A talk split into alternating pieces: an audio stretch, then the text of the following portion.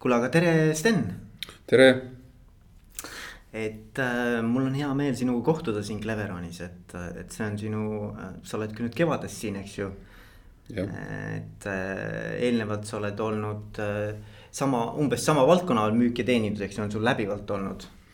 ja seda on nüüd juba vist jah, ütleme tööalasest karjääri algusest saati olnud aga et sa oled nagu erinevates infrastruktuuri ettevõtetes olnud, et sa oled olnud Eesti Energias, eks ju. Sa oled olnud äh, Omnivas äh,. ma ei tea, kas äh, ilmselt saab ka Starmani pidada infrastruktuuri ettevõtteks, eks ole.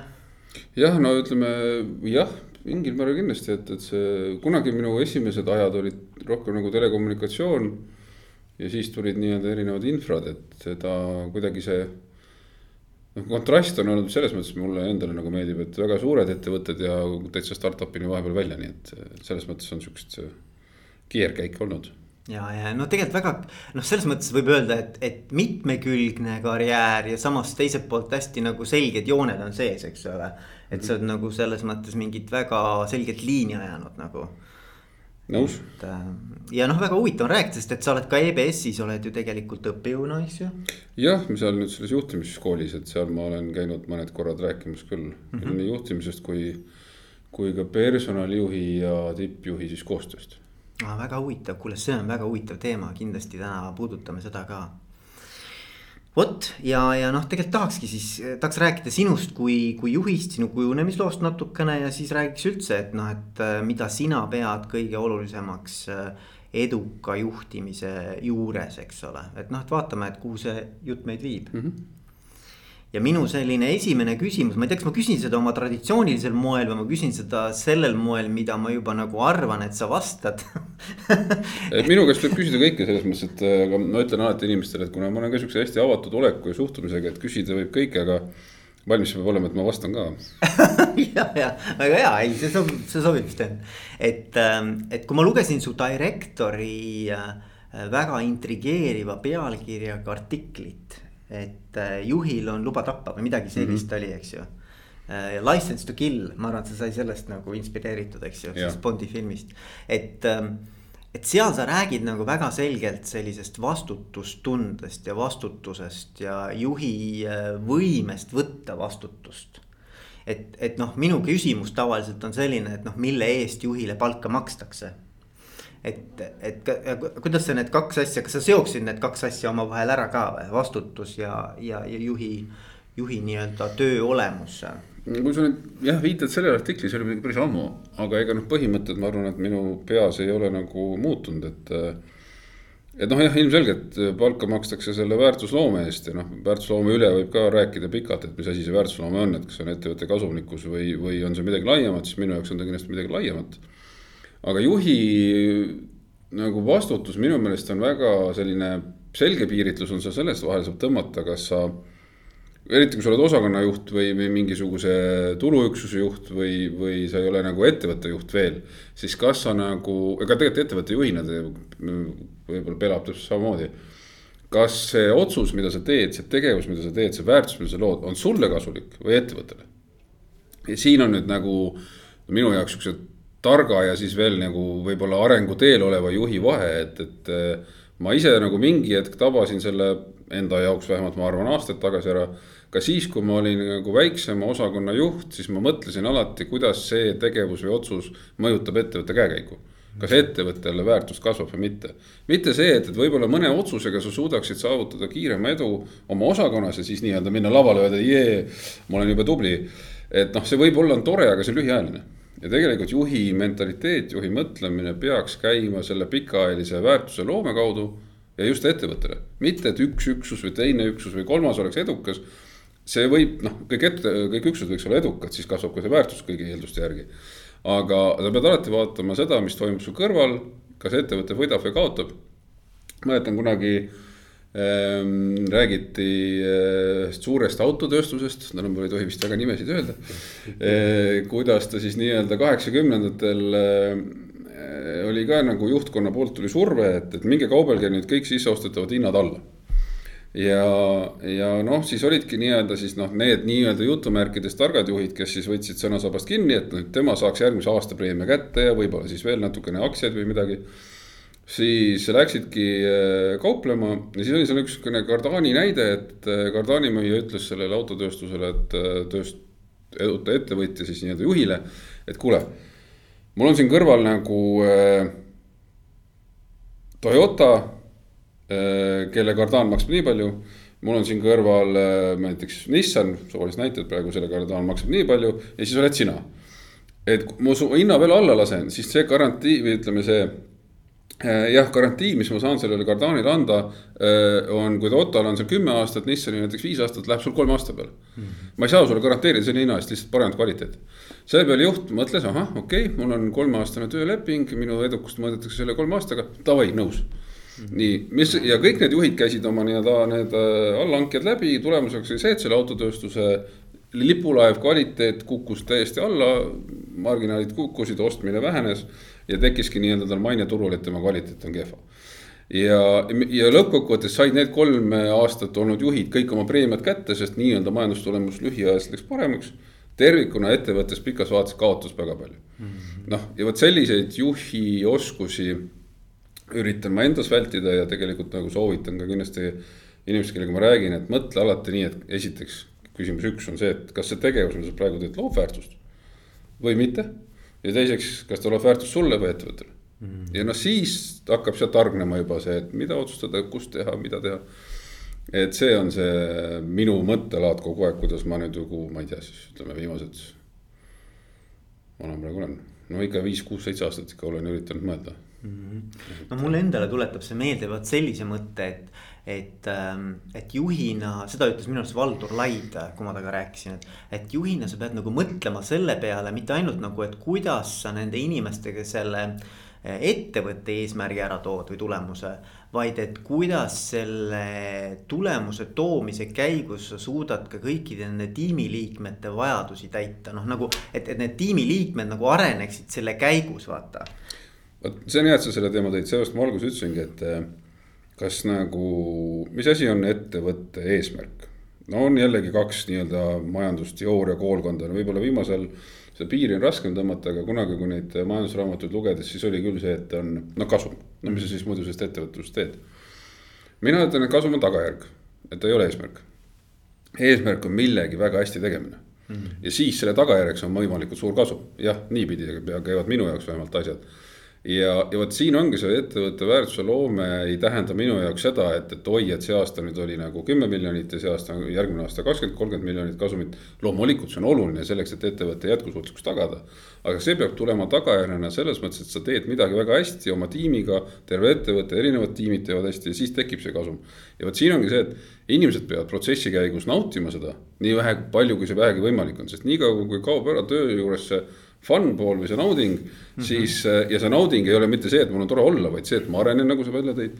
minu arust väga õige, sest kui inimesed nagu tunnevad, et nad mingi hetk antud positsioonis, antud ettevõttes ei arene, siis on esimene koht, kus nad hakkavad ringi vaatama mm -hmm.. noh, jah, palgad ja muud asjad ja tingimused, see nagu omaette, aga sisuliselt tekib see nii-öelda äng või see, et, et kas ma olen õiges kohas, kas ma teen õiget asja siis, kui sa tunned, et sa ei arene. ja, ja, ja, ja selle all ma selle väärtuse kasvu all peangi seda silmas, et, et see ettevõte tervikuna kasvab sellisel kujul, loomulikult, mis asi on ettevõte, ettevõte on tegelikult ikkagi inimeste kogum.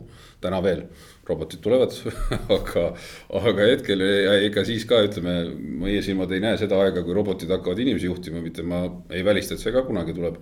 aga noh, meie silmad seda kindlasti ei näe, et nii ruttu need asjad nüüd ka ei juhtu aga et need inimesed ju moodustavad selle ettevõtte. ja, ja. nemad peavad arenema, nemad peavad olema seda väärtust loues ise nii palju õnnelikud kui vähegi võimalik. loomulikult sa ei saa iga päev tööl olla nagu zen ja kogu aeg chill-chill, et sest siis jällegi see areng on võib-olla liiga aeglane. Mm.. et on erinevaid aegu, on paremaid ja hullemaid aegu, aga kokkuvõttes peab olema see kasv koos organisatsiooni, koos inimestega ja, ja, aga kuidas see kõik nüüd nagu, vot see esimene pool just, et kuidas see nagu vastutustundega kokku läheb, et. et mulle tundub, et see läheb väga hästi kokku, et, et, et just see, et, et sa ei mõtle mitte ainult nagu mingisugusele lühiajalisele või isik, isiklikule huvile. vaid et sul on tegelikult silm, sa pead silmas ka kogu oma tegevuse käigus nihukest pikaajalist vaadet ja, ja ka laiemat. mitte ainult organisatsiooni huve muide, vaid ka ühiskonna huve. jah, täpselt, täpselt, et see on nagu see nii-öelda ökoloogiline jalajälg või mis, mis me kõik oma tegevusega maailma jätame, et see aina rohkem muutub oluliseks ka minule isiklikult. ja, ja loomulikult ma tahan aru saada, et mismoodi ma maailma mõjutan, mis tagajärje ma sellest jätan. kas on see positiivne, negatiivne, et äh, ma usun, et keegi oma olemuses ei taha nagu keskkonda või, või meie ümbritsevat maailma kuidagi nagu halvemaks muuta küll, aga see, et kuidas seda paremaks muuta, see ei ole nii lihtne. et oma tegevuse peale, noh, loomulikult ma nüüd ei mõtle iga päev iga tund selle peale, et kuidas ma nüüd ühiskonda muudan. aga mis, äh, võib-olla see tuleb juba vanadusega, ma ei tea, aga et mis jälgmust maha jääb, ikka aeg-ajalt mõtled et see ka mõjutab loomulikult minu otsuseid ja tegevusi igapäevaselt. vastutustunde juurde võib-olla veel üks on see, et eh, noh, võib ju rääkida, et pikk ja suur vaade ja, ja järjepidevus ja et, et see väärtusloome, need on noh, need on tõesed asjad tihtilugu jällegi, kui sa hakkad mõtlema, et noh, klišee, kõik räägivad ju loome väärtust. see on niisugune noh, loosung, eks. jah, aga selle loosungi taga nagu, nagu väiksed asjad, näiteks mul on nagu noh, olles suurettevõtetes, siis noh, tegelikult juhtub ka seda väiksemates väga tihti on nagu noh, see vastutuse võtmise üks minu jaoks hea näide on see, et kui jällegi keegi tuleb minu juurde, ütleb, et mul ei olnud infot. no mina, mina ei usu, noh, selles mõttes, et äh, mina nagu, mul on nagu need inimesed, kes tulevad hommikul tööle, ajavad niimoodi käed üles, et mingit infot peale ei tulnud. noh, sinu informeeritus on iga inimese enda vastutus tee selgeks, uuri, kui sul, vot siin on see vahe küll, et organisatsioon, ettevõte peab tagama nagu infoallikate olemasolu. noh, kui me räägime ettevõtte sisemist infost või, või sellest. aga sinu asi on see mulle selgeks teha ja siit hakkab see vastutus juba nagu pihta selles mõttes, et siin ei ole, kas sa oled juht või, või spetsialist või, või teenindaja, ükskõik kes.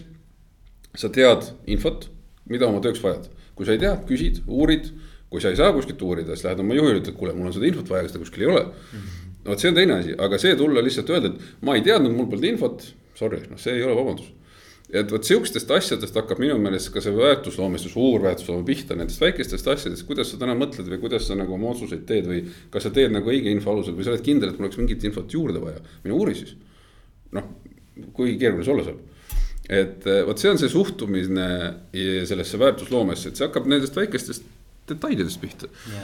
et eh, oluline ei ole jah see, et, et kas ma nüüd nagu suure loosungiga saan mööda lipuga kuskil ees joosta, vaid see, et, et kuidas tegelikult ka mõnedesse väikestesse asjadesse vaatan ja suhtun. noh, mulle tuletab see meelde vaata selle tasakaalu otsimise jälle, et, et sihukene nagu vabadus vabadus toimetada, vabadus leida ise kõige parem viis nagu tulemuseni jõudmiseks. ja teiselt poolt see vastutustunne selle tulemuse eest ja selle nii-öelda äh, saavutamise eest, et, et noh, et, et minu arvates kuidagi vot need kaks asja mulle tundub, on nagu noh, see, on see, mis peab inimese sees kuidagi paika loksuma, et kõik tahavad ju saada vabadust, eks ole. et ära tule mulle rääkima nagu, et mida ma täpselt tegema pean, eks ju mm, -hmm. mis on fine ja mis ma arvan, peabki nii noh. tegelikult võikski nii olla, et igaüks on oma valdkonna ekspert, eks ole, teab kõige paremini või noh, vähemalt tal on suure tõenäosusega kõige rohkem infot, kuidas seda võiks nagu seda konkreetset ülesannet lahendada. aga teiselt poolt jällegi minu arvates see sisemine selline eh, vastutustunne viia asi lõpuni, teha see asi nagu hästi korrektselt. Eh, ja, ja anda üle ja võib-olla vastutada ka järgmise lüli nagu lõpptulemuse eest on nagu hästi sihuke noh, nagu ma ütleks lünklik on ju. mõnel on, mõnel ei ole, eks ma arvan, et siin on ja see on inimesteni erinev ja no eks seal ongi see, et kui sul see on, siis sa sobid ka nagu võtma rohkem vastutust, kui sul nagu seda vastutusjulgust ei ole, ega, ega kõik ei pea vastutust võtma, on ka täiesti nagu ütleme nagu töid või rolle, kus ei ole sul vaja otsustada nii palju vastutada, see on täiesti fine, täiesti okei okay,, ega kõik ei saagi olla suured otsustajad või vastutajad. aga oma töölõigu eest sa ikkagi vastutad. Ja vot siin on minu meelest nagu veel üks eh, oluline teema, mida ma hästi jälgin ja, ja no enda arust vähemalt jälgin, on sellest miks arusaamisest või miksist arusaamine. ehk siis äh, ma mäletan, kui oma töises karjääris ma olen nagu, ütleme seda ma teadlikult nagu olen mõelnud jällegi nagu viimased võib-olla kümme aastat alateadlikult tegutsesin ma ka varem lihtsalt tagantjärgi analüüsides ennast.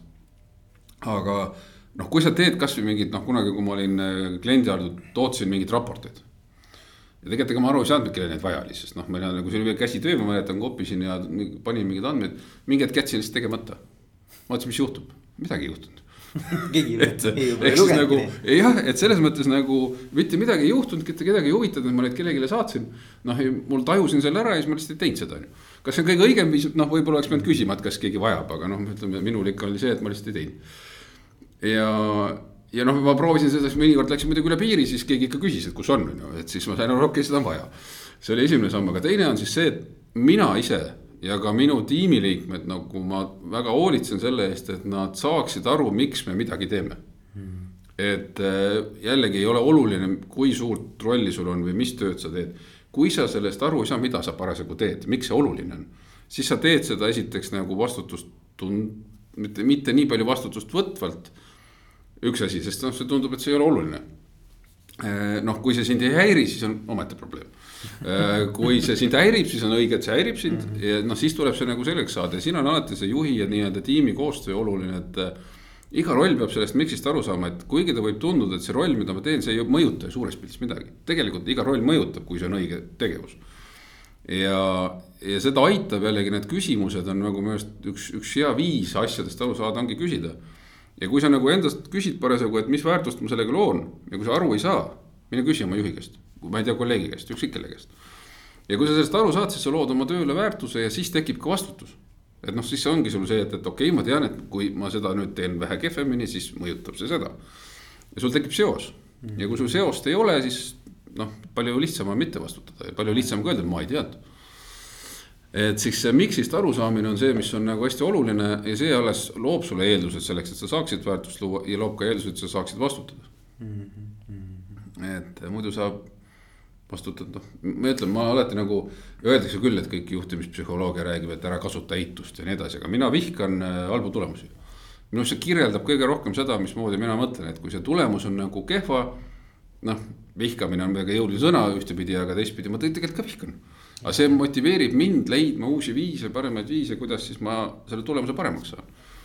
et see, see osa on nagu hästi oluline, et, et see tulemuslikkus peab olema selline, mulle meeldib alati kasutada sõna et äh, aga, agadeta peab olema ja seda vist eesti keeles siiamaani ei ole, ma mhm. peaks vist kuskile kirjutama, et selle võiks panna sisse ehk siis nagu, nagu on see, et, et kuidas meil läks väga hästi aga. noh, ma tahaks, et seda aga seal ei ole. noh, seda räägiti kunagi, mul see tuli sellest, et kui see näiteks jällegi juhtimisõpikutes kunagi oli see, et, et noh, et kiitusele ei tohi järgneda seda, et, et tee siis järgmine kord veel paremini või midagi sellist, seda aga. ja iga kord, kui sa aga ütled, see tähendab seda, et sa eelmise asja tegelikult ja. nagu lükkad ümber juba aga ükskõik millise tegevuse hindamisel, et, et. et kasvõi seesama intervjuu, kui see läbi saab, siis ma nagu, kui ma sellele tagantjärgi mõtlen, hakkan autoga koju sõitma, mõtlen, et oh jumala äge intervjuu oli, punkt ei ole, aga ma oleks võinud seda ka öelda, siis ma olen nagu rahul. et kui tuleb see aga, ei vot sellest oleks võinud ka rääkida, siis juba nagu kripel. mida, midagi on jah, jah. et siis peab uuesti tegema et, et sellepärast see aga on minu meelest hästi hea selline noh jällegi mõneti nagu metafoor, aga, aga noh, võtad ta kuskilt ette, et kuidas läks, väga hästi, punkt mm. -hmm. nii kui see aga tuleb, siis mõtled, kust see nüüd siis tuli, see aga. et mis saaks teistmoodi teha, et, et seda aga seal ei oleks mm. aga Sten, kui me räägime nüüd natukene sinust ja sinu juhiks kujunemise teest, eks ju. siis mul, mulle alati pakub huvi see ka, et kuidas äh, juhid on nagu oma sellises kujunemisloos nagu, mis on need sündmused või inimesed, kes neid on nagu kõige rohkem nagu mõjutanud, vaata. et kindlasti on sul ka nende aastate jooksul olnud inimesi ja, ja võib-olla ka sündmusi, kes on nagu sulle mõju avaldanud või kelle, kelle nii-öelda äh,, kellega kokkupuude äh, on sind äh, teatud mõttes nagu formeerinud, eks ju. et, et kas sul on nagu mõni inimene või, või mõni sündmus, mida sa tahaksid välja tuua? no ütleme.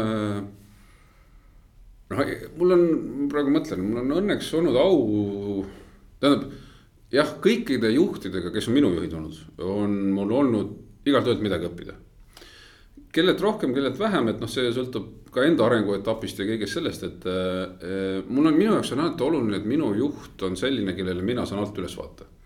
siis on mul nagu noh, ütleme, kas ta on siis eeskuju või selline noh, noh, sihukene nagu sihukene ägedus ja sihukene nagu tahe ja kui nagu minu juht peaks olema selline, kes nagu noh, kuidagi, et ma tunnen, et ma mingitest asjadest olen temast nagu nagu üle ja ma ei saa seda võib-olla seda tuge või seda nii-öelda ka seda ütleme siis nagu mingil hetkel sa vajad ikkagi ka sellist nagu suuna näitamist või mingit diskussiooni vähemalt. ja kui see diskussioon ei vii nagu kuskile, et siis ma tunnen ennast halvasti et äh, aga ma ütlen, õnneks on minul olnud nagu väga palju juhte. ma mäletan nagu kunagi ka Starmani näiteks, ma arvan, et Starman oligi mul esimene päris selline juhi roll, kui ma olin siis ka inimeste juht mm. -hmm. ennem seda ma olin küll protsesse juhtinud ja, ja, ja valdkonda, aga need olid ilma inimesteta veel. ja, ja ma mäletan hästi, kui ma siis nii-öelda spetsialistist sain, sain juhiks, siis ma äh,. Peeter Kern oli siis minu juht ja siis ma mm, äh, läksin tööle, tegin, ma olin teenindusdirektor isegi, mis selle sihuke nimetus oli. ja kaardistasin ära tohutu probleemide hunniku läksin sinna uude, uude töökohta, ütlesin, kuulge, siin on nagu kõik asjad jumala valesti on ju. ja ise olin nii rahul, et ma tegin siukse töö, läksin siis Peetri juurde ütlesin, näe nihuke värk on ju. ta küsib, nojah, ja edasi. ja, ja rohkem ta ei küsinudki midagi, mis ma sedasi, vaata, mis töö ära tegin, on ju. nojah, aga lahendus et ja see, ma nii mäletan seda emotsiooni, kus mina nagu võidurõõmsalt tegin suure töö ja siis nagu juhtus mulle, et no tore, aga edasi, noh ja siis ma sain aru, et okei okay,, et mina juhina pean ka organiseerima loomulikult nende asjade lahendused. ja, ja kas siis ise või tiimiga, noh, see juba on siis järgmine samm, aga, aga see töö, ma tegin ainult pool tööd ära, et, et see, see oli nagu kuidagi nagu üks selline asi, mis mul elus on meelde jäänud. ja, ja et, et sa pead alati nagu leidma ka, et noh, ei ole mõtet nagu probleemiga lauale tulla, kui sa ei ole mõelnud juba, et kuidas see võiks ja, ka lahenduse leida. et, et see nagu oli sihukene minu esimene selline juhi juhi pool, siis ma arvan, et äh, üks asi, mis näiteks äh, SEB-s praegu tuleb meelde, Indrek Julge oli. Äh, ja seal oli, sõiduki liisingut juhtisin. ja siis oli lugu, kus tuli jälle järgmine ah,, see on näiteks ka, kus ma olen nagu sellest hetkest ma olen õppinud seda, et on kahte sorti inimesi. ja, ja kui tuleb mingisugune suurem muudatus ettevõttes või üksuses, vahet ei ole siis on teatud hulk inimesi, kes hakkavad kohe muretsema issand, mis nüüd juhtus, mis nüüd saab, mis minust saab, mis minu töökohast saab. ja teine pool on siis selline, need kipub aeg-ajalt olema isegi vähemuses, on see, et oh, mingi äge, mingi muudatus tuleb, midagi läheb paremaks, mingi, mingi noh, mis asi see on. mingi võimalus. mingi võimalus on ju.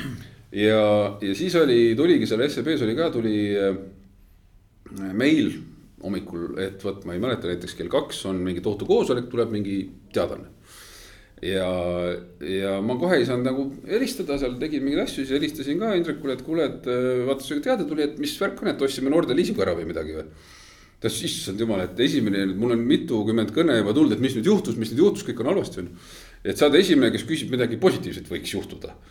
ja, ja siis ma sain aru, et mina olen see tüüpi inimene, kes tegelikult muudatuse peale hakkab mõtlema, et mingi võimalus, midagi äge ja juhina olen ma nüüd tegelikult seda teadlikult nagu jälginud, et noh, ma olen olnud väga paljudes situatsioonides, kus ma olen samasuguseid teavitusi pidanud tegema, et midagi mm. muutub ja nii edasi. ja, ja siit ma olen õppinud seda, et need kõik, kes hakkavad muretsema põhjendatult. järelikult te teete kuskil midagi mitte piisavalt, te ei tea, mis teie roll on. Te ei tea, mida te täpselt tegema peate, te ei tea, miks te seda teete, midagi sellist. sest miks sul see mure tekib, kui sa teed head tööd, lood seda väärtust, sa naudid seda, mis sa teed, miks sa peaks muretsema noh, ei pea tegelikult. ja need tüüpi inimesed, kes hakkavad kohe hullult muretsema põhjusega, nüüd on vaja aru saada, mis, milles see põhjus on. mitte, et inimene on alati ise süüdi selles on, selles võib olla organisatsioon, ta võib olla vales rollis. aga, aga seal on mingi probleem, mida tuleb lahendada. mingi enesekindluse teema alla. mis iganes see on, aga mm. järelikult on selleks põhjus. et ja siis ma alati nagu panustan kõigepealt nende peale, kes lähevad IE, mingi muudatus on äge kaasa tulla. sest noh, nad teavad, et neid, see võiks neile pigem tuua midagi positiivset kui negatiivset ja need, kes siis nii-öelda hakkavad muretsema, nendega siis tuleb tegeleda teist laadi või siis ütleme nagu, kõigepealt muidugi aru saada, millest see muretsemine nagu tekib. et äh, see näiteks oli, mida ma sealt õppisin, et äh, noh, ja siukseid lugusid, ma arvan, et äh, ma ei tea, energiaajast, noh, Sandor Liive ilmselgelt mõtle suurelt. selles mõttes, et noh, see mulle meenus just kuu aega äkki tagasi oli Ameerika Kaubanduskoja üritusel, kus tuli esinema üks ameeriklane, ma kahjuks ei mäleta ta nime. ja läks lavale ja tundus siukene nagu arrogantne, siukene nagu isegi nagu üleolev või siukene nagu. natuke ülbe. ülbe isegi jah, ja, ja, ja mul kohe nagu, mis mees see nüüd on. aga sõnum, kui ma siis nagu kuulama hakkasin, oli tegelikult nagu lühikokkuvõte sellest, no ta rääkis küll erinevatest teemadest, aga üks osa, mis sealt nagu minu jaoks väga kõlama jäi, oli see, et et, äh, et mis te siin mökitate siin Eestis, mis te olete väiksed, no keda see huvitab? Teil on terve maailm lahti, minge, müüge, tehke, olge, on ju. et te lähete esimese jutuga, et oi, me oleme nii väiksed. no mis siis, maailm on nii tehnoloogiline, nii nii-öelda avatud kõigele, et, et see, et te olete Eestist või olete te Ameerikast või noh, loomulikult sellel on taust ja seal on võimalused ja nii edasi, aga see ei ole vabandus et võtke kätte ja müüge, et, et te lähete sinna, just ka, et on Ameerikas näinud väga palju eestlasi, kes tulevad nagu murest murtud nii-öelda tulevad sinna ukse taha kraapima, et me siit tuleme siit väiksest Eestist. jumala eest, no miks te peate nii mõtlema? tulge ja tehke ja olge, noh, tegelikult see sõnum oli väga õige, väga äge, et võtke kätte ja tehke. loomulikult noh, ei ole see nii lihtne, aga, aga, aga see suhtumine hakkab sealt pihta. et ja noh, mulle ka meeldis, kuidas nagu Sandor hästi palju nagu mõtles nagu suurelt, okei okay,, noh, eks siin on olnud erinevaid tagasisidet ja üldsus ja nii edasi, aga, aga nagu suures pildis kõik need. enamus need projektid ju tegelikult õnnestusid, nii et, et selles mõttes ei tasu väikselt mõelda. Margus Rink jällegi näiteks oli äh, äh, Energias minu juht, sealt ma õppisin näiteks seda, et nagu päriselt ka eriarvamus on okei okay.. et äh, ma olen olnud selline äh,, mulle meeldib asju otse välja öelda aga vot, proovi sa siis ise vastu võtta, kui sulle öeldakse otse et suhteliselt selline solvuja tüüp olnud, ma olen sellega loomulikult aastaid ka nagu tööd teinud endaga ja vaeva teinud, et, et ma usun, et ma täna enam ei ole selline, ma olen ka uksi paugutanud ja. ja olnud väga selline. Eh, noh, ütleme jah, pigem öelda solvuja tüüp, kui siis öeldakse mulle midagi. ja, aga sealt ma õppisin seda, seda koostööst, et see eriarvamus ongi okei okay et sa võidki nagu, ega kõik ei pea ühel arvamusel olema, selles jõuamegi eriarvamusele. kui see nagu kontseptsiooniliselt arendab meid edasi, siis on see hästi fine, kui nüüd kõik otsused või kõik koostöökohad on täiesti eriarvamused, noh siis on natukene see probleem sügavam ja teine. aga et mingites nüanssides jäämegi eriarvamusele täiesti fine mm, -hmm. et, et. no eks see on sihuke küpse isiksuse tunnus jälle, eks ole. jah, võib-olla see elukogemusega ka tuleb, et äh, mul on veel üks sihuke põhimõte, et ma võin inimesega töö juures või inimestega vaielda, arutada. noh, vahest inimesed loomulikult, kusjuures on ka üks asi see, et, et me peame ennast väga ratsionaalseteks inimesteks. aga ma võin kõigile tunnistada, et emotsioonid juhivad nii sind kui mind rohkem, kui me ise arvame.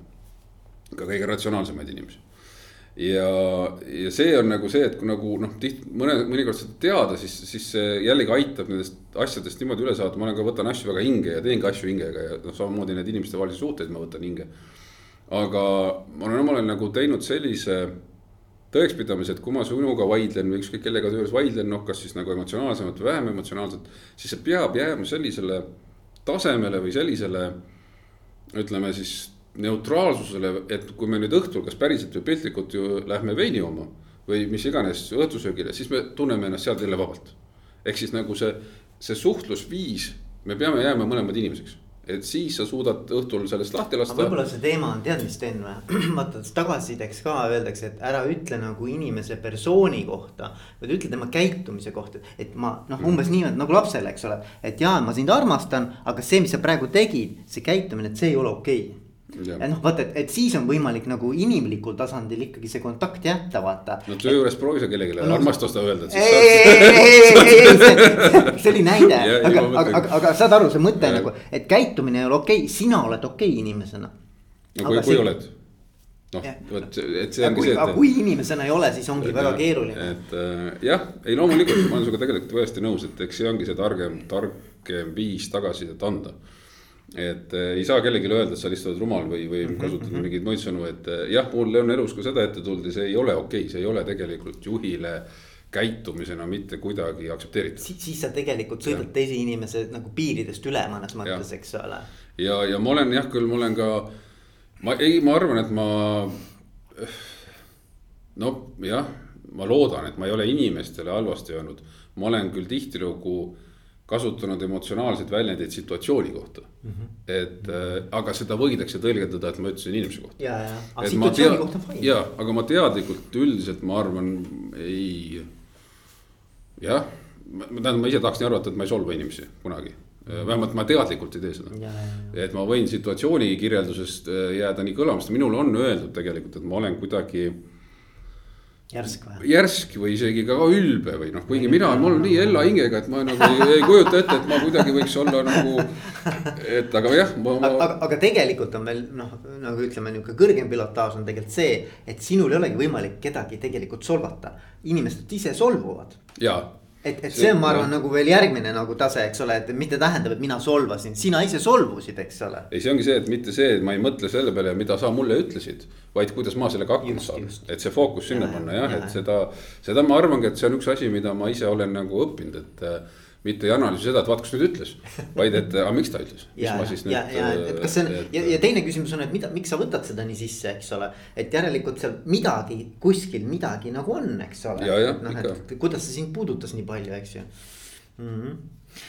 aga räägi sellest ka natukene, et ähm, et, et kui, kui nagu küsida näiteks sinu meeskonnaliikmete käest, et mismoodi nad võiksid sind nagu iseloomustada juhina, et siis mis need märksõnad, mis sa, ma pean muidugi nende käest võiks küsida yeah.. aga, aga, aga tegelikult nagu, et, et ma võin ka nii küsida, et, et millisena sa tahaksid või, või sina nagu sooviksid, et äh, su tiimiliikmed sind äh, kirjeldaksid? noh, ma usun, et iga, ma ei saa niimoodi üldistada, aga mulle väga meeldis see on nüüd see, kuidas ma tahaks, et räägitakse. kohe ma ütlen ka, kuidas võib-olla räägitakse päriselt on see, et äkki see oli Colin Powell vist ütles, et, mis tähendab liidriks olemine. et liidriks olemine on see, et kui sa vaatad selja taha ja inimesed järgnevad sulle puhtast uudishimust. et kuhu sa lähed. Mm. vot see on nagu minu jaoks nagu väga hästi sõnastatud see, et kuhu ma oma nii-öelda juhi karjääri päeva lõpuks tahaksin jõuda ma kindlasti ei ole seal veel. et, äh, aga see nagu on niisugune, minule nagu väga meeldib see, et, et see, et sa tõesti liidrina oled selline, kellele tahetakse järgneda, kellega tahetakse koos asju teha. Äh, kui ma nüüd mõtlen selle peale, milline ma praegu oma elus võiksin olla, ma äh, ma loodan, et nad ütlevad, et ma olen nagu nõudlik, mõistlik ja, ja vahetu, kellega on lihtne suhelda.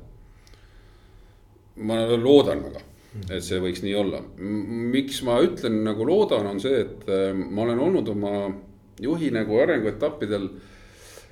Äh, kunagi ma olin väga selliste nagu meeskonnatöö ja selline kõik väärtused ja, ja, ja missioon ja visioon ja teeme koos ja, ja selline hästi seal ääres, ma arvan, oma juhi arengus mingil hetkel ma kaldusin sealt väga sellisesse tulemus, tulemus, tulemus, tulemus nagu ükskõik tangiks muutusin mm. -hmm.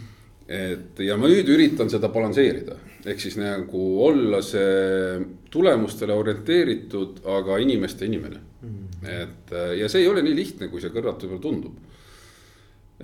aga see on jällegi nüüd see, kuhu ma siis nagu teadlikult ennast üritan paigutada, et jah, ma olen nõudlik, sest ma vihkan halbu tulemusi ma olen enda suhtes nõudlik ja olen ka tegelikult tiimi suhtes nõudlik, samas ma olen vahetu, siiras, aitan, toetan. mõtlen kaasa, teen mingid asjad, tahan ise ära teha, et olla kättpidi masinas, et tajuda turgu, tajuda klienti. samas mõtlen nagu viis aastat ette, siis mõtlen, mis homme saab, et eh, kas need kõik asjad mulle ideaalselt välja tulevad, kindlasti mitte. aga noh, nii ma mõtlen ja nii ma tegutsen, et mm. -hmm. aga jah, ütleme, kui, kui ma oleks nüüd ütleme selline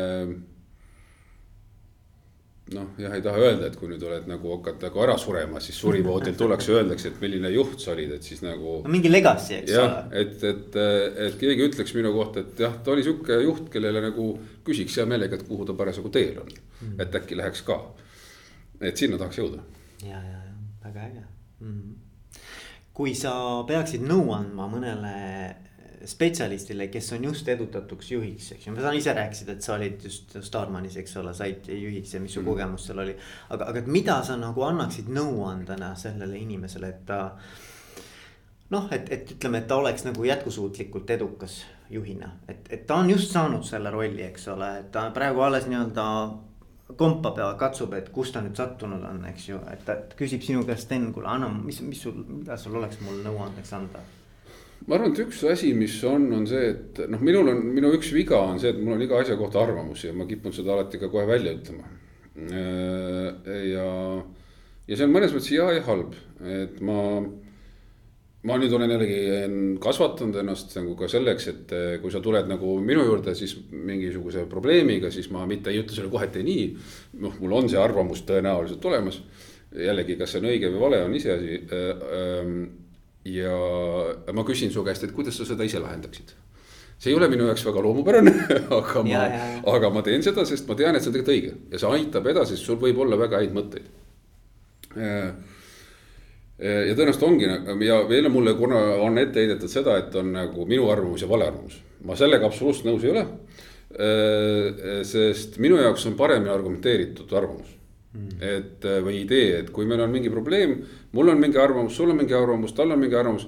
kelle argumendid tunduvad mulle kõige paremad, siis see on see, mida ma tahaks teha mm. -hmm. ei ole vahet, kelle oma see on.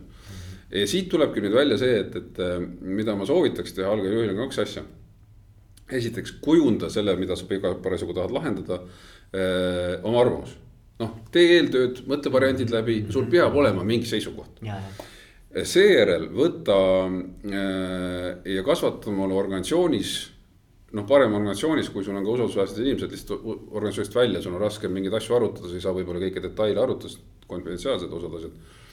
kasvata omale organisatsiooni sees nii-öelda sellised partnerid et äh, see võib olla kindlasti sinu juht, no võikski olla sinu juht. aga võib-olla ka nii-öelda, kui see otsus, mida sa pead tegema või lahendus, mida sa pead leidma, puudutab erinevaid üksusi, kas siis nende liidrid või nii-öelda üksustest keegi. Ja mine peegelda, et, et kuule, et mul on sihuke mõte, et mul on sihuke probleem, mul on sihuke, sihuke lahendusvariant ja sihuke lahendusvariant, et kuidas sulle tundub, kumba sa nagu valiksid. ehk siis sa ei saa juhina olla seda, oi, ma ei tea üldse, kuidas seda lahendada, ütle mulle on ju et sul võiks olla seisukoht ja arvamus äh,, aga peegelda ja suhtle sel teemal kui sa ei ole kindel, aga kujunda see seisukoht ennem ja siis sa saad kas sellele tõestust, sa saad argumente juurde, sa saad mingi uue idee ja saad tegelikult kindlama meelega selle otsuse teha või lahendust hakata leidma. nagu testid natukene, eks ole mm. -hmm. et see teeb sulle, annab sulle enesekindlust ja, ja loob sellise nagu fooni, et sa tegelikult, sul on arvamus, sa tead, mida sa teha tahad. sa peegeldad, mitte sa ei saa kõike küsida, et tegelikult ma ei tea, mida teha, öelge mulle, noh siis see ka ei ole õige. aga et sa oskaksid nii-öelda seda seisukohta kujundada okei okay. mm. -hmm. Kas on nagu midagi, mida ma ei ole küsinud, Sten, aga sa tahaksid nagu ise rõhutada juhtimiskvaliteedi osas, et, et midagi, mis nagu sinul on äh, võib-olla noh, nagu. ma arvan, et üks on see, et äh, juhtimine on äge. et seda, kes nii mõtleb, on juba hea juht. kes mõtleb, et see on kohustus, siis tee midagi muud. kui sa valid karjääri ja üks, mida me võib-olla mingil määral puudutasime, aga tiim, vali omale tiim, kes on, kes suudab asju ära teha, kes sobib koos töötama. ei ole vahet, mida te teete. sest tänapäeva kiiresti muutuvas maailmas täna teed ühte, homme teed teist, ehk siis sa pead usaldama, mina ise loodan, et jällegi mind usaldatakse, sest noh, sa ei saa kunagi väita, et sind usaldatakse, sa saad seda loota, noh, ma olen küll loomulikult oma senisest karjäärist näinud, et mind usaldatakse ka, et ega ma muidu seda ju ei, ei teeks. ilma usalduseta ei toimi midagi, ehk siis sul peab tiimi sees olema usaldus selles meeskonnas, kes sul on, kellega te koos asju teete. loomulikult ja see nagu hakkab värbamisest pihta, et, et, et, et värvake õigeid inimesi, jälle seda on lihtne öelda olen ka värvanud valesid inimesi, kas valesse rolli või valel ajal vale tüüpjuhi või, või inimese. ja, ja siis on ka, et noh, siis tee ka see teine otsus kiiresti, et, et muuda seda otsust ja aita inimene organisatsioonist välja, et, et ei ole. noh, kedagi ei saa liiga vara lahti lasta, jälle ma kasutasin seda väljendit, mida mulle on mitu korda öelnud, ära kasuta nii La,. ei, ei, lahti. ei lahti lasta, et aitad organisatsioonist välja, no tegelikult noh. kokkuvõttes. No, fire, eks ole. jah, ja tegelikult see ju ikkagi nagu, ma olen eh, pidanud ka seda tegema elus päris palju kordi erinevatel, kuna, kuna ma olen sattunud organisatsioonidesse, mis vajavad suuri muudatusi tänu sellele, et mitte, et ma oleks kõik värvanud ise, vaid. vaid olengi sunnitud olnud seda tegema, ega see ei ole nagu psühholoogiliselt lihtne ka mulle, mitte nagu paljudele juhtidele. aga tee seda parem kiiremini kui kauem. ja, ja selle enam sa saad organisatsiooni puhtaks, oma tiimi puhtaks, mõttelaadi ja kõik sellised asjad, et noh, mul on ka üks sihuke põhimõte, et kui ma kellegi peale, kolleegi peale õhtuti liiga palju mõtlen, siis on aeg käes siis on midagi valesti. et mm., et ja, ja et noh, seda ma olen ka õppinud, et alati ei pea inimest siis nii-öelda organisatsioonist ära saatma. võib-olla ta ongi vales rollis, kui ta on hea inimene, kui tal on suhtumise probleem, kohe minema mm.. siin ei ole küll mingit pikka juttu mm.. ja, ja kui ma ikkagi inimest usaldada ei saa ühel või teisel põhjusel, ka kõik et äh,. ma hästi pooldan seda, et eksimine on täiesti okei okay proovige uus lahendus, ei tulnud välja, teeme uuesti, kui ma näen, et inimene tegelikult tahab teha hästi mm,. et kirg on olemas. kirg on olemas, jumala pärast eksi, eksi mitu korda mm., aga mitte sama asjaga mm.. et kui sa nagu sama lahendust proovid nagu mitu korda ja midagi seal ei muuda, siis on ka kuskil midagi valesti. et äh, ma ei tea, mis asjad kõik töötavad, et äh, ega ma ise ka proovin erinevaid asju, erinevaid lähenemisi, et äh, mis ühte otsust, proovime selle ära, ei tulnud välja, teeme uuesti. Et äh, ja noh, ma ise hästi viljelen ka sellist organisatsiooni kultuuri, et see olekski okei. Okay., eksimine on täiesti okei. Okay.. ma olen näiteks ka tahan alati seda eksimist viia nii palju, nii kaugele, et ma üldse ei seedi seda mõtteainet, et oi, et nüüd juhtus, et ärme otsi süüdlast, lähme edasi. Ma tahan väga selle süüdlase üles leida sellepärast, et aru saada, miks juhtus ja mis juhtus, mitte seda süüdlast kuidagigi karistada. Äh, kui ta ei olnud pahatahtlik, see on teine teema, et kui ta teadlikult ja pahatahtlikult tegi halba tööd, noh siis ei ole ja, jällegi vabandusi. aga me räägime ikkagi nendest situatsioonidest, kus midagi läks halvasti. ja mitte, et me peaks nüüd nagu hullult uurima seda, vaid tegelikult võiks organisatsiooni kultuur olla nii terve. minul juhtus, ma tegin selle valesti sellepärast, et näed, ahah, selge muidu on see, et mina mõtlen, et sina oled süüdi, tema mõtleb, et tema on süüdi ja tegelikult üldse see osakond on seal kõik süüdi, on ju. milleks tekitada seda pingeid yeah., et, et kui ma tean, et mina tegin, siis nagu noh, minul on lihtne tunnistada vigu, noh. jah, ma olen nüüd õppinud, ega ma noorem olin, siis ega ei kipu ega see ei ole, et kuule, mina tegin.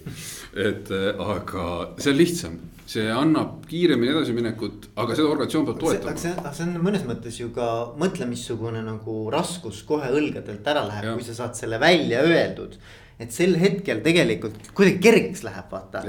et, et äh, okei okay, jah, et selle peab nüüd ära lahendama aga samas nagu kuidagi minu arvates asi läheb klaariks, nagu õhk läheb klaariks. muidu sa kuidagimoodi nagu noh, see kõik nagu pulbitseb kuskil niimoodi. see on nagu noh, sa tead, et varem või hiljem see teema nagu peab kuidagimoodi lauale tulema, eks ju. et no ma arvan, et see on nagu. mul üks näide tuleb siin meelde, oli äh,, ma olin EMT-s, olin kliendihaldur ja. EMT-s siis kunagi, vist Telia eelkäijas äh,. ja siis äh, sain ilgelt suure jamaga hakkama ja see oli siis, ma pakun, see aasta oli üheksakümnendate lõpus midagi jah, pakume üheksakümmend, kaheksakümmend üheksa, midagi taolist. ja siis oli niimoodi, et äh, Eesti Energia oli minu klient miks tohib mingit nimedest ikka rääkida? muidugi, muidugi tohib, Sten, minu äh, podcast'is võib kõike rääkida. ja siis, äh, siis ma, me muutsime, seal oli selline nagu äh, soodustuste süsteem, et kui kliendil oli, noh, suurkliendid olid äriettevõtted, suuremad arved, siis oli ka see soodustus suurem. ja, aga see arvutuskäik ei olnud nii lihtne ja loogiline tol ajal vähemalt veel, sest ta oli nagu suhteliselt alguskäigus. ja siis äh, mäletan Eesti Energia noh, väga suur klient oli ja kauples, et tema tahaks ikkagi nagu nii-öelda fikseeritud hindasid, ei pea jamama sellega, kuna ta. arved olid nii suured, et siis oli seal teatud osakaal nagu nagunii tagatud, et siis äh, iseenesest ei olnud probleemi, siis me vaidlesime tükk aega, arutasime ja ja jõudsime järeldusele, et okei okay,, teeme siukse siis nii-öelda süsteemi, et, et on nagu teada, sest tal ei muutunud tegelikult see hind nagunii mitte kuidagi, sest ta see arvete osakaal oli nii suur. ja siis äh, mõeldud-tehtud, mäletan hästi, oli reede õhtu ja siis äh, vaatan süsteemis seal midagi seal tegin muid asju ja siis vaatasin, et läks energia sealt kuidagi mööda, linnuke oli seal süsteemis, kust nagu ei tohiks linnukest olla. siis vaatasin ongi, ühesõnaga me tegime talle siis nii-öelda need madalamad hinnad ja sealt läks veel soodustus ka maha. oi jumm-jammis, see oli reede pärastlõuna, ma mäletan, siis ma arvutasin seda ruttu välja. Eh, et siis nii-öelda Energia oli saanud eh, eh, kakssada viiskümmend tuhat krooni suuremat siis nii-öelda tulu või siis nagu. Ja noh, minu palk oli, ma arvan, sellel ajal viis tuhat krooni noh, põhimõtteliselt ma terve nädalavahetuse põdesin, et nii, et okei okay,, et mitu aastat ma nüüd kinni pean istuma. ühesõnaga noh, mul oli täiesti elu oli läbi ja noh, see summa oli kolossaalne. no isegi, jaa, aga, aga mõtle mõtle, missugused nagu emotsioonid see võib ja, nagu inimestes tekitada. noh, nendel olid ka palju rahvusvahelisi kõnesid, noh, et see tekkis nagu ühelgi teisel ettevõttel ei tekkinud sellist mastaapigi üldse. ja siis äh, aga noh, ma olin siis nii aumees kohe, ma mäletan, noh, ma teadsin, et mul on kliendisuhted väga head, ma hoidsin väga nagu väga kõrgel tasemel neid ja, ja enda arust jällegi. ja see oli siis ka tõestus, et mul see nii oli. Läksin siis nagu kohe juhi juurde, esmaspäeval ütles sihuke värk. oih-oih-oih, et see oli isegi nagu teie jaoks suur raha on ju. ja, ja siis mäletan, et läksin, see ei lähe ka meelest ära, siis läksin eh, Energiasse, siis seal oli veel. Eh, et seal oli eraldi ettevõte, kes kogu selle asjaga tegeles ja siis, siis mis tele, tele. televõrk jah, televõtt jah mm, -hmm. ja selle juhi juurde. ja siit suur presiidium oli seal koos kõik siis noh, rääkisin siis oma mure ära ja siis nagu nemad ütlesid, noh muidugi see on, see on ka õiglane arve, noh, see, see teenus teil nii palju maksma peabki. ma ütlesin, okei okay,, no siis seal arutasime veel natukene ja see tegelikult oli siukene, noh, ta oli natuke mingil määral pingeline, aga ta ei olnud midagi nii hullu ja siis olid need kuldsed sõnad, mida siis ettevõtte juht ütles, et kelle süü see oli. Äh, ma ütlesin, noh, et MT süü, ei no jaa, aga kes seal MT-s süüdi on? mina ütlesin, mina mina ei võtnud Linuxit ära, seal tegelikult oli noh, mina oleks võinud võtta ära, oleks võinud sisest ära võtta. kuna see ei olnud mingi standardprotseduur, siis nagu ei olnud selleks mingit ja, süsteemi, oleks võinud sisest ära võtta, kes pidi seda nägema, oleks võinud mina ära võtta. aga noh, minu klient, minu läbi jäetud asi, mina vastutan. ja, ja siis oli, ma mäletan siiamaani jääb süda hardaks, kui ta ütles, et kuna sinu süü oli, meil on kliendisuhe nii hea, siis maksame tagasi.